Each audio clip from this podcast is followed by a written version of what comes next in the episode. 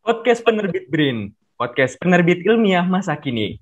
Halo kawan Brin, selamat datang kembali di podcast Penerbit Brin. Tidak terasa, podcast Penerbit Brin sudah menemani kawan Brin hingga episode ke-12. Saya, Ahmad Mujahid Sajid, akan memandu podcast episode ke-12 yang berjudul Kenal Lebih Dekat Peran Kreator Content Science Penerbit Brin bagian 1. Nah, seperti yang kawan Brin mungkin sudah ketahui, penerbit Brin merupakan penerbit ilmiah yang mencakup pada penerbitan buku dan audio visual. Nah, di era digital saat ini, penerbit Brin terus berupaya menjaga eksistensinya dengan sinergi sehingga tetap menjadi penerbit ilmiah nasional yang terdepan dan inovatif sekaligus menjadi acuan dan penggerak dalam mencerdaskan kehidupan bangsa. Salah satu bagian yang berperan penting di dalamnya adalah divisi multimedia. Nah, teman-teman yang mungkin dari divisi multimedia juga tahu nih bagaimana seberapa pentingnya peran divisi multimedia. Nah, tapi mungkin ada kawan Brin juga yang belum tahu nih tentang proses multimedia di dalam penerbitan kami, khususnya di penerbitan Brin ya. Jadi, bidang multimedia itu berfokus pada penciptaan konten media digital bagi publik. Nah, contoh, media penyampai informasi yang dimaksud adalah teks, gambar, video, bahkan animasi. Nah, sesuai judulnya, episode kenal lebih dekat peran kreator konten sains penerbit Brin akan terbagi menjadi dua bagian. Wah, jadi stay tune terus ya kawan Brin. Langsung saja sudah hadir pada episode kali ini ada dua narasumber kita. Pertama ada Kak Penny. Halo Kak Penny. Kak Penny ini sebagai subkoordinator pelaksana fungsi multimedia, penulis skrip, dan produser video dokumenter penerbit Brin. Nah, kalau tadi ada Kak Penny, nah selanjutnya yang kedua ada Kak Mutia nih. Halo Kak Mutia. Halo.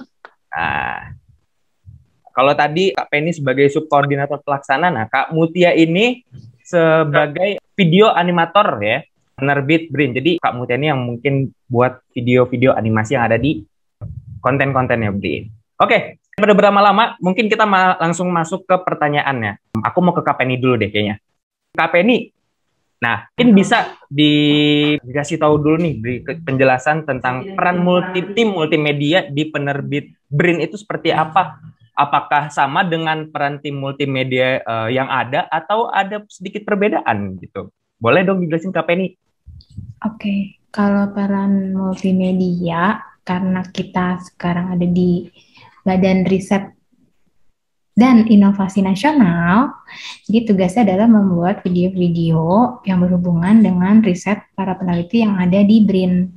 Gitu. Jadi tujuan utamanya adalah untuk menginformasikan kepada masyarakat apa sih yang sedang dilakukan gitu manfaatnya bagi mereka apa sih dampaknya apa sih gitu terus juga kita juga mengedukasi ke publik ke anak-anak sekolah, mahasiswa, semua kalangan masyarakat. Terus juga uh, raising awareness. Jadi misalnya tentu saja yang uh, raising awareness yang science science related ya, topik oh. gitu misalnya tentang lingkungan seperti itu. Jadi poinnya adalah semua untuk mengomunikasikan sains gitu. Yang mungkin membedakan multimedia lainnya dengan multimedia yang ada di BRIN adalah kita memiliki tujuan untuk mengomunikasikan sains. Gitu. Jadi konten konten yang mungkin dibuat secara lebih ringan tapi tetap mengandung isi yang ilmiah ya begitu ya kurang lebih. Intinya mempopulerkan sains. Nah, itu teman-teman. Nah, kalau tadi kita udah tahu nih, berarti kita udah tahu tim multimedia yang ada di penerbit BRIN adalah mempopulerkan sains. Nah, um, aku mau ke kamu Tia deh sekarang. Kamu Tia, bagaimana sih tahap kerja serta waktu rata-rata produksi konten di tim multimedia penerbit Brin. Karena kan mungkin animasi animator sendiri punya waktu yang cukup lama nih. Apakah selama itu atau bagaimana nih Kak? Oke, jadi tahap kerja di multimedia itu khususnya bagian animasi uh, dimulai dari menentukan topik apa nih yang bisa kita angkat untuk dibuat dalam bentuk animasi. Contohnya, misalnya pada waktu itu kan lagi rame-ramenya kasus COVID-19 di Indonesia. Yeah. Nah, waktu itu isunya coronavirus ini kan berasal dari kelelawar ya. Nah, kita coba angkat topik tentang kelelawar. Kenapa sih kelelawar itu banyak menyimpan virus? Nah, untuk mencari informasi dan data itu tentunya kita minta bantuan dari sumber yang kredibel. Waktu itu kita minta peneliti kelelawar uh, di LIPI ya. Waktu itu masih LIPI. Oh iya. Nah, setelah data-data didapatkan dari peneliti, data tersebut diolah uh, sama penulis skrip untuk dijadikan naskah. Setelah itu, dari naskah tersebut, animator bisa membuat storyboard dan kita juga melakukan perekaman voice over dengan menggunakan jasa talent voice over artist. Nah, setelah itu uh, baru bisa masuk ke tahap produksi, yaitu membuat ilustrasi dan kemudian membuat animasinya. Setelah animasinya selesai, kita biasanya mengadakan preview ke peneliti LIPI uh, atau ke peneliti uh, yang lain sebelumnya itu apakah visual animasinya sudah tepat secara ilmiah atau belum gitu. Jika udah oke okay semua, baru video animasinya kita publish di YouTube. eh, kira-kira lama pengerjaannya itu bisa 1 sampai dua bulan, tergantung durasi, durasi skripsi gitu. Jadi, wah cukup lama ya untuk satu konten 1 sampai dua bulan yang hasilnya itu kira-kira jadinya bisa berapa lama, Kak? Uh, biasanya kita bikin animasi itu 4 sampai 5 menit sih. Wow. 4 sampai 5 menit prosesnya selama satu bulan teman-teman. Wah luar biasa memang. Nah mungkin aku mau nanya ke dua kakak-kakak ini karena tadi udah disinggung ya sama Kak Mutia bahwa proses di awal itu ada kita harus manggil peneliti dulu bagaimana kan dan lain seterusnya. Nah pertanyaannya adalah saat membuat naskah atau animasi ya, apakah dalam prosesnya kakak-kakak ini punya referensi? Ya pasti punya dong. Nah referensi tertentu gitu. Nah dan di mana gitu atau biasanya dapatnya dapat referensi ini tuh dari mana aja sih kak gitu loh terutama ini kan referensi konten yang dibuat adalah konten ilmiah tadi yang udah dibilang kak Penny boleh dong uh, ke kak Penny lagi dulu ya jadi referensinya biasanya uh, banyak ya sekarang karena sekarang konten kreator audiovisual udah banyak banget kan jadi kita bisa dengan mudah banyak menemukan uh, referensi di YouTube. Biasanya sekarang tuh banyak kayak kok bisa udah bikin. Tapi kalau kalau kita kan ya ada referensi dari situ juga tapi banyak uh, apa 60 seconds docs tuh juga bagus dan lain-lain. Jadi sih intinya banyak banget sih video uh, di YouTube. Dan sekarang orang fokus uh, fokus ke sains juga ada banyak banget. Uh, tapi uh, tergantung apa yang akan kita buat. Karena misalnya uh, kayak misalnya animasi uh, targetnya siapa? Kan maksudnya ketika kita mencari referensi kita sudah harus mengetahui ini targetnya buat siapa sih? Buat anak sekolah atau buat anak sekolahnya uh, SMP atau SMA atau masyarakat uh, akademisi kayak gitu-gitu kan beda ya. Jadi kayak itu. Jadi kita sering mengulak ngalik referensi. Tapi kalau aku sendiri untuk penulisan sih random. Aku bisa, bisa Google terus cari yang emang misalnya waktu itu bikin tentang apa ya tentang lingkungan hidup ya aku cari aja. Terus nanti aku pelajari uh, skripnya mereka kayak gimana sih cara bikinnya kayak gitu. Okay. gitu biasanya. Nah kalau kamu Tia nih apa referensinya sama atau mungkin ada sedikit yang berbeda gitu kak kalau aku mungkin lebih ke animasinya ya okay. biasanya aku kalau lihat konten secara konten animasi itu lihatnya biasanya di YouTube. Biasanya aku ngelihatnya Vox sama New York Times Magazine. Itu biasanya mereka juga suka bikin konten-konten animasi gitu kayak video informasi berupa animasi. Nah, aku biasanya lihat di situ kalau di YouTube. Kalau uh, untuk teknik animasinya, aku biasanya lihatnya di uh, Vimeo, uh, Behance, atau enggak di dribble.com gitu sih. Banyak banget di situ kreator uh, animasi yang bagus-bagus dari seluruh dunia. Ah benar-benar benar betul banget. Kalau teman-teman animator juga mungkin ya atau mungkin dari tim multimedia juga pasti udah banyak yang tahu ya yang tadi itu. Nah oke, okay. oke kita langsung ke pertanyaan selanjutnya nih. Selain kakak-kakak ini fokus pada produksi konten video dan animasi ya. Nah, apakah tim multimedia memiliki tugas lain yang kawan-kawan Brin ini mungkin belum tahu nih gitu? Ada nggak sih Aku mau ke kamu Tia lagi deh. Mungkin kalau dari aku sih dari tim multimedia mungkin kita juga mengadakan knowledge sharing ya Mbak ya. Berbagi sharing ilmu pengetahuan tentang multimedia, mungkin bisa tentang animasi, tentang desain, tentang syuting, praproduksi, produksi, sampai pasca produksi. Jadi biasanya kita mengundang uh, masyarakat untuk ikut knowledge sharing, biasanya lewat uh, online juga bisa, ya uh, pengajarnya dari tim multimedia sendiri gitu sih. Mungkin ada tambahan dari Mbak Penny. Jadi uh, selain yang tadi kamu Tia sampaikan tentang knowledge sharing, sebenarnya kita aku selain memproduksi konten juga membantu rekan uh, ada kita punya program namanya akuisisi pengetahuan lokal di mana uh, kita mengakuisisi produk buku dan audiovisual. Jadi uh, jadi ya nggak cuma itu aja, jadi banyak hal uh, gitu gitu. Jadi intinya uh, publik yang ingin mengirimkan kontennya bisa melalui uh, brand ini gitu.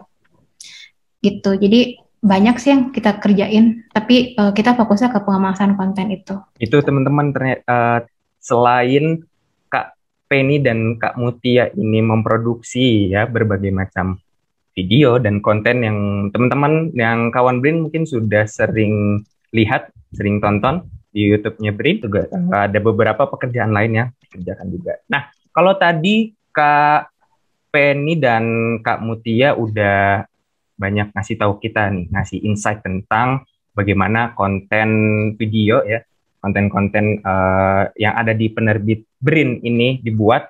Nah, aku mau tahu dong, pasti ada yang namanya suka dan dukanya nih. Ah, Nah, boleh ke Kak Penny dulu apa apa aja sih suka dukanya selama menjadi di tim multimedia penerbit Dream? Gitu. Oke, okay. pertama dukanya ya. Dukanya okay. apa ya? dukanya ada nggak sih? Dukanya oh. sering uh, sering disuruh bikin cepet aja. Jadi kayak uh, project sangkuriang gitu loh. Dikasih hari ini, besok udah jadi gitu. Tapi udah kita kita memak kita tetap memaksimalkan apa yang kita bisa semaksimal mungkin. Uh, toh juga ya mungkin dari 10 project satu lah atau dua lah yang project sangkuriangnya gitu yang cepat-cepat uh, selesai. Kalau sukanya sih ketika itu bermanfaat, terutama kan kita selalu berkolaborasi dengan peneliti gitu. Misalnya waktu itu dengan peneliti Keong Darat Bayu Safitri gitu gitu terus terus tiba-tiba dia WA uh, eh, ini videonya bermanfaat sekali. Jadi tadi aku bingung lagi lagi presentasi. Terus aku bingung mau nunjukin oh keingetan. Ternyata pernah dibikinin videonya. Jadi ya sukanya sih kalau itu uh, bermanfaat. Karena sebenarnya kan uh, kita membuat video itu secara umum kan memang untuk publik ya untuk ini ini loh hasil penelitian dan untuk publik tapi juga akan lebih senang lagi ketika itu juga bermanfaat bagi peneliti itu sendiri. Karena untuk peneliti, peneliti itu sendiri kan uh, sebagai alat mereka untuk me, apa ya mengenalkan penelitian mereka juga gitu. Jadi itu sih sukanya. Kalau dukanya sih kalau udah disuruh cepet-cepet tapi ya udahlah so far so far kita tabah menjalaninya. Gitu. Nah kalau kamu Tia sendiri, uh, apakah dukanya sama? Diminta untuk membuat proyek sangkur yang juga atau ada yang berbeda? Iya, kalau dukanya sama, sama banget. Lebih ke deadline ya, soalnya kan emang lumayan sering disuruh ada kerjaan mendadak harus diselesaikan dengan waktu yang singkat gitu. Okay. Jadi ya harus lebih cepat aja gitu mikir ide sama menganimasikannya kan tahu sendiri ya mikirin ide itu kan susah ya kalau disuruh cepat. Nah, betul banget. Mm -mm. Kalau sukanya mungkin ya karena aku enjoy uh, sama animasi, jadi jadi aku senang aja gitu kalau lagi ngerjain animasi karena kan pekerjaannya juga sesuai sama passion aku gitu. Oke, itu tadi ya suka duka menjadi uh, tim multimedia di penerbit Brin. Nah, ini mungkin kalau menurutku juga uh, dukanya mungkin duka semua tim multimedia yang ada ya disuruh diminta untuk membuat proyek Sangkuriang. Oke, okay, kalau tadi mungkin kita udah banyak mendengar ya tentang uh, bagaimana uh, pembuatan konten video, animasi dan sebagainya di penerbit Green. Nah, mungkin teman-teman jadi tertarik nih gitu. Tertarik untuk menjadi video animator. Nah, boleh dong Kak Penny dan Kak Mutia nih dikasih tips-tipsnya buat kawan Brin yang ingin jadi video animator. Hal-hal apa aja nih yang harus dipersiapkan? Boleh ke Kak Mutia dulu. Kalau dari aku mungkin lebih ke skill dulu ya. Kalau yang belum pernah sama sekali membuat animasi, bisa coba lihat tutorial animasi basic di YouTube. Itu banyak banget yang gratis. Dan uh, kita juga udah pernah buat tutorial After Effects untuk pemula. Itu bisa teman-teman lihat dan ikutin di YouTube Lipi kalau berminat. Nah, intinya itu skillnya itu harus biasa terus, jangan takut untuk belajar. Dan memang sih untuk belajar animasi itu untuk uh, butuh waktu. Jadi jangan cepat nyerah dan juga uh, banyak perbanyak referensi bisa dengan nonton video animasi yang keren-keren yang ada di Vimeo, YouTube, Behance dan lain-lainnya gitu. Nah, itu tadi tips-tips dari Kak Mutia. Nah, kalau dari Kak Penny sendiri tipsnya apa nih Kak untuk uh, kawan Brin yang ini menjadi video animator juga nih? Nah, karena aku bukan video animator, da, uh, aku lebih ke penulisnya, jadi aku ngasih tipsnya tentang penulisan aja ya. Boleh dong. Oke, jadi uh, sebenarnya nulis itu tidak ada yang baku kan. Maksudnya di dunia kreatif tuh nggak ada yang baku. Jadi uh, banyak cari referensi, banyak baca sih kalau nulis. Karena uh, di situ kan perbendaharaan kata, kosakata itu sangat penting ya dalam menulis. Terus uh, keep it simple. Biasanya sih challenge kita adalah peneliti maunya banyak kan, maunya semua dimasukin informasi ina itu ina itu. Tapi apakah informasi itu yang dibutuhkan oleh masyarakat atau publik kan belum tentu gitu. Jadi keep it simple gitu. Terus uh, terus ya berusaha mungkin nggak ngerepetisi. Jadi ketika udah selesai nulis tuh kita baca lagi rewrite rewrite gitu. Jadi maksudnya jangan males-males untuk membaca ulang. Jadi kita harus semua harus clear lah gitu. Terus uh, menyesuaikan dengan target. Jadi kita harus mengenali target kita gitu. Karena dengan mengenali target kita kita tahu uh, bahasanya seperti apa sih? Kan nggak nggak bisa tuh kita mau targetnya akademisi tapi kita pakai kui kui kuian itu kan gitu. Kayak gitu contohnya. Terus ya udah pokoknya uh, sekarang dan sekarang itu orang tuh kan juga pengennya simpel ya. Uh, pengennya tuh uh, dengan durasi sependek mungkin tapi mendapatkan informasi sebanyak mungkin. Nah jadi benar banget.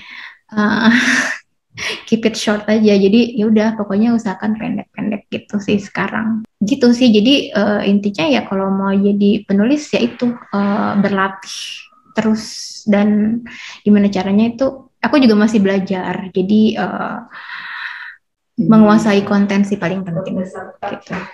Okay.